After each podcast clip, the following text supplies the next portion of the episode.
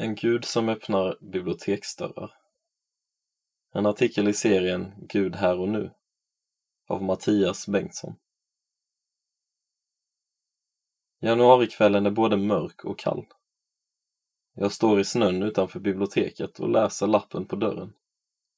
Stängt för allmänheten på grund av covid-19. I handen håller jag böckerna med utgången lånetid som måste lämnas tillbaka för att undvika orimligt stora bötesbelopp.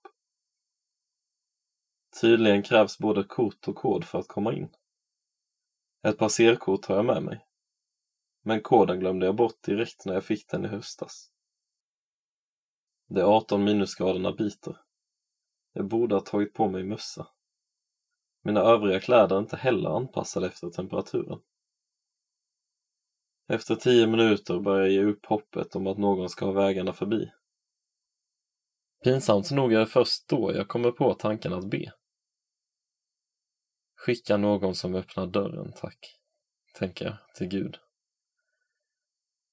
I exakt samma ögonblick hör jag fotsteg i snön bakom mig. Det är en annan student som ska in i biblioteket som har med sig både kort och kod så vi kan komma in. Var den tajmingen bara en slump? Kanske. Men för mig var det i alla fall en uppmuntran.